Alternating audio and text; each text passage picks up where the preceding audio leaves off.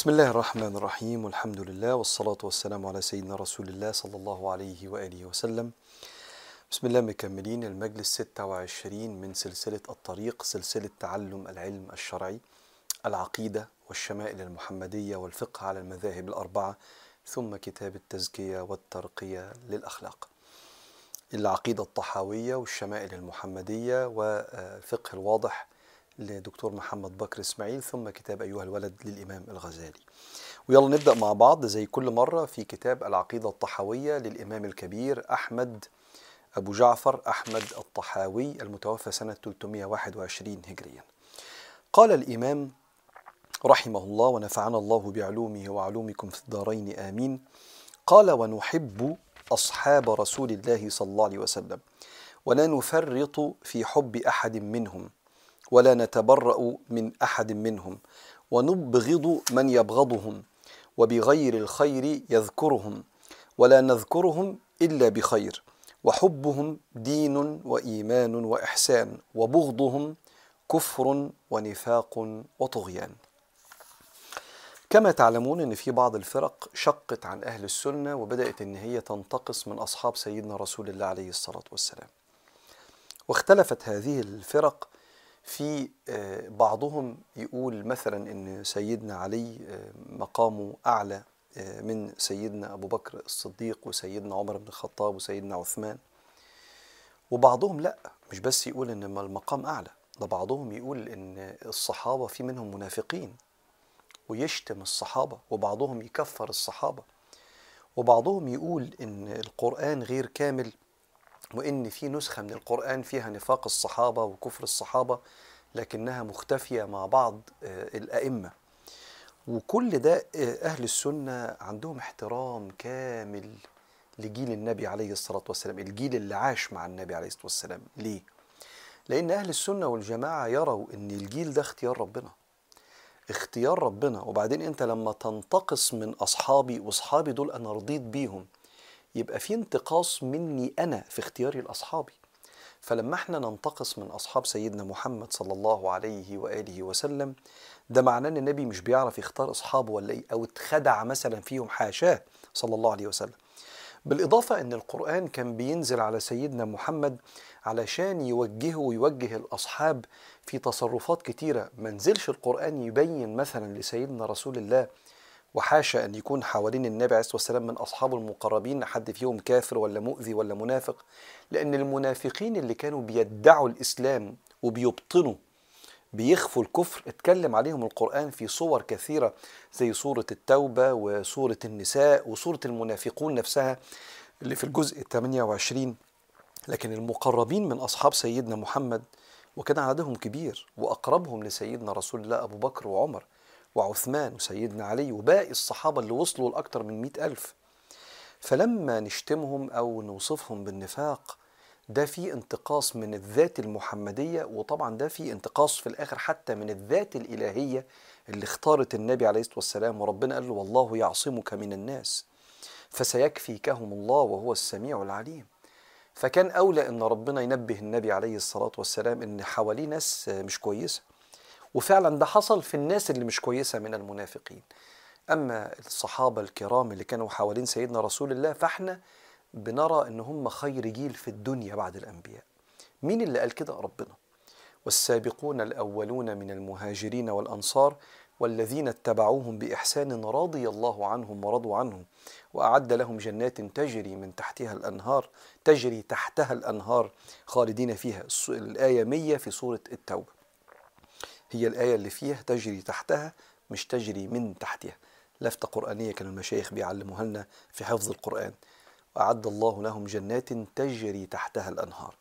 فالصحابة يعني تبجيلهم وتعظيمهم دون نسبة العصمة لهم يعني الصحابة بشر غير معصومين يخطئوا وينزل القرآن يصلح لهم أخطائهم ويجي سيدنا النبي عليه الصلاة والسلام يصلح لهم أخطائهم لأن هم بشر لكن هم أشرف أشرف أشرف البشر. فهم فوق مقام الأولياء والصالحين. جيل الصحابة ده حاجة تانية خالص. ويكفي أن ربنا اختارهم لصحبة سيدنا محمد عليه الصلاة والسلام.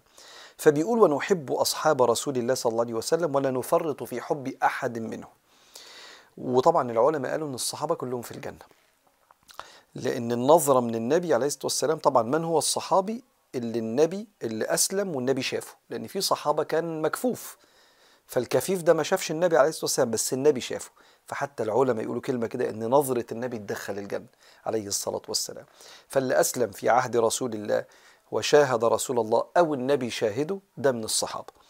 فلا نتبرأ من أحد منهم ونبغض من يبغضهم. لو واحد بيكره الصحابة بيشتم الصحابة دي حاجة وحشة جدا. وبغير الخير يذكرهم لا. أهل السنة بيبجلوا الصحابة.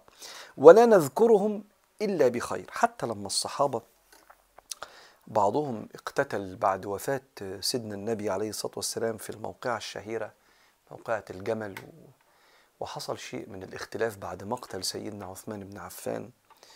واختلاف الصحابة جه سيدنا عمر بن عبد العزيز لما حب يتسأل مين فيهم الصح ومين الغلط ومين اللي على باطل ومين اللي على حق؟ فقال تلك فتنة عصم الله منها يدي وأنا أعصم منها لساني. هو طبعا مش صحابي سيدنا عمر بن عبد العزيز ده في الأجيال اللي بعدهم لكن هو بيقول يعني أنا مش جريء عشان أقول ده باطل وده حق وإن كان أهل السنة يروا أن سيدنا علي وفرقته هم اللي كانوا على الحق لكن ما بيشتموش الفرقة التانية. ويصفوهم بالنفاق أو الفسق إنما كان هناك اجتهاد ولكن كان الحق مع سيدنا علي بن أبي طالب كما يقول أهل السنة مع كامل الاحترام للفرقة الأولى اللي كان لها وجهة نظر مختلفة. وكانت فتنة كبيرة جدا جدا أرادها ربنا سبحانه وتعالى لحكمة عنده. قال وحبهم دين وإيمان وإحسان. التقرب إلى الله ورسوله بحب أصحاب سيدنا محمد عليه الصلاة والسلام ده دين وإيمان وإحسان. وبغضهم كفر ونفاق وطغيان.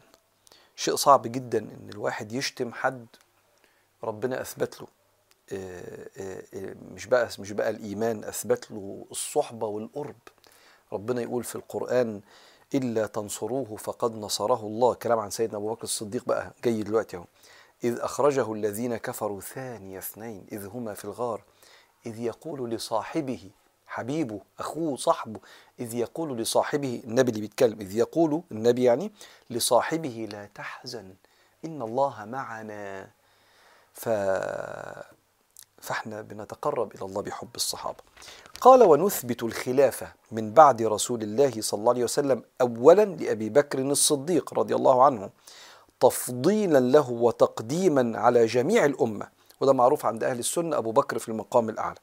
ثم لعمر لعمر ابن الخطاب ثم لعثمان ابن عفان رضي الله عنهم جميعا ثم لعلي ثم لعلي بن أبي طالب رضي الله عنه. وهم الخلفاء الراشدون والأئمة المهديون. وأن العشرة الذين سماهم رسول الله صلى الله عليه وسلم وبشرهم بالجنة نشهد لهم بالجنة على ما شهد لهم رسول الله صلى الله عليه وسلم. وقوله الحق. أنا ما أقدرش لأن أنا ما عنديش علم الغيب أقول فلان من أهل الجنة يقينا كده. وكنا خدنا من شوية في العقيدة هنا إن إحنا لا نقطع يعني we do not make sure لا نقطع يعني لا نشير إشارة جازمة لا نقطع لمعين لشخص معين بجنة أو نار إلا النبي يقول عليه. فربنا قال إن أبو لهب في النار خلاص ربنا قال والنبي قال عليه الصلاة والسلام. لأن ربنا علم النبي عليه الصلاة والسلام. إحنا ما بنشاورش على حد نقول في جنة ونار. وبالتالي النبي شاور على عشرة وقال إن هم في الجنة.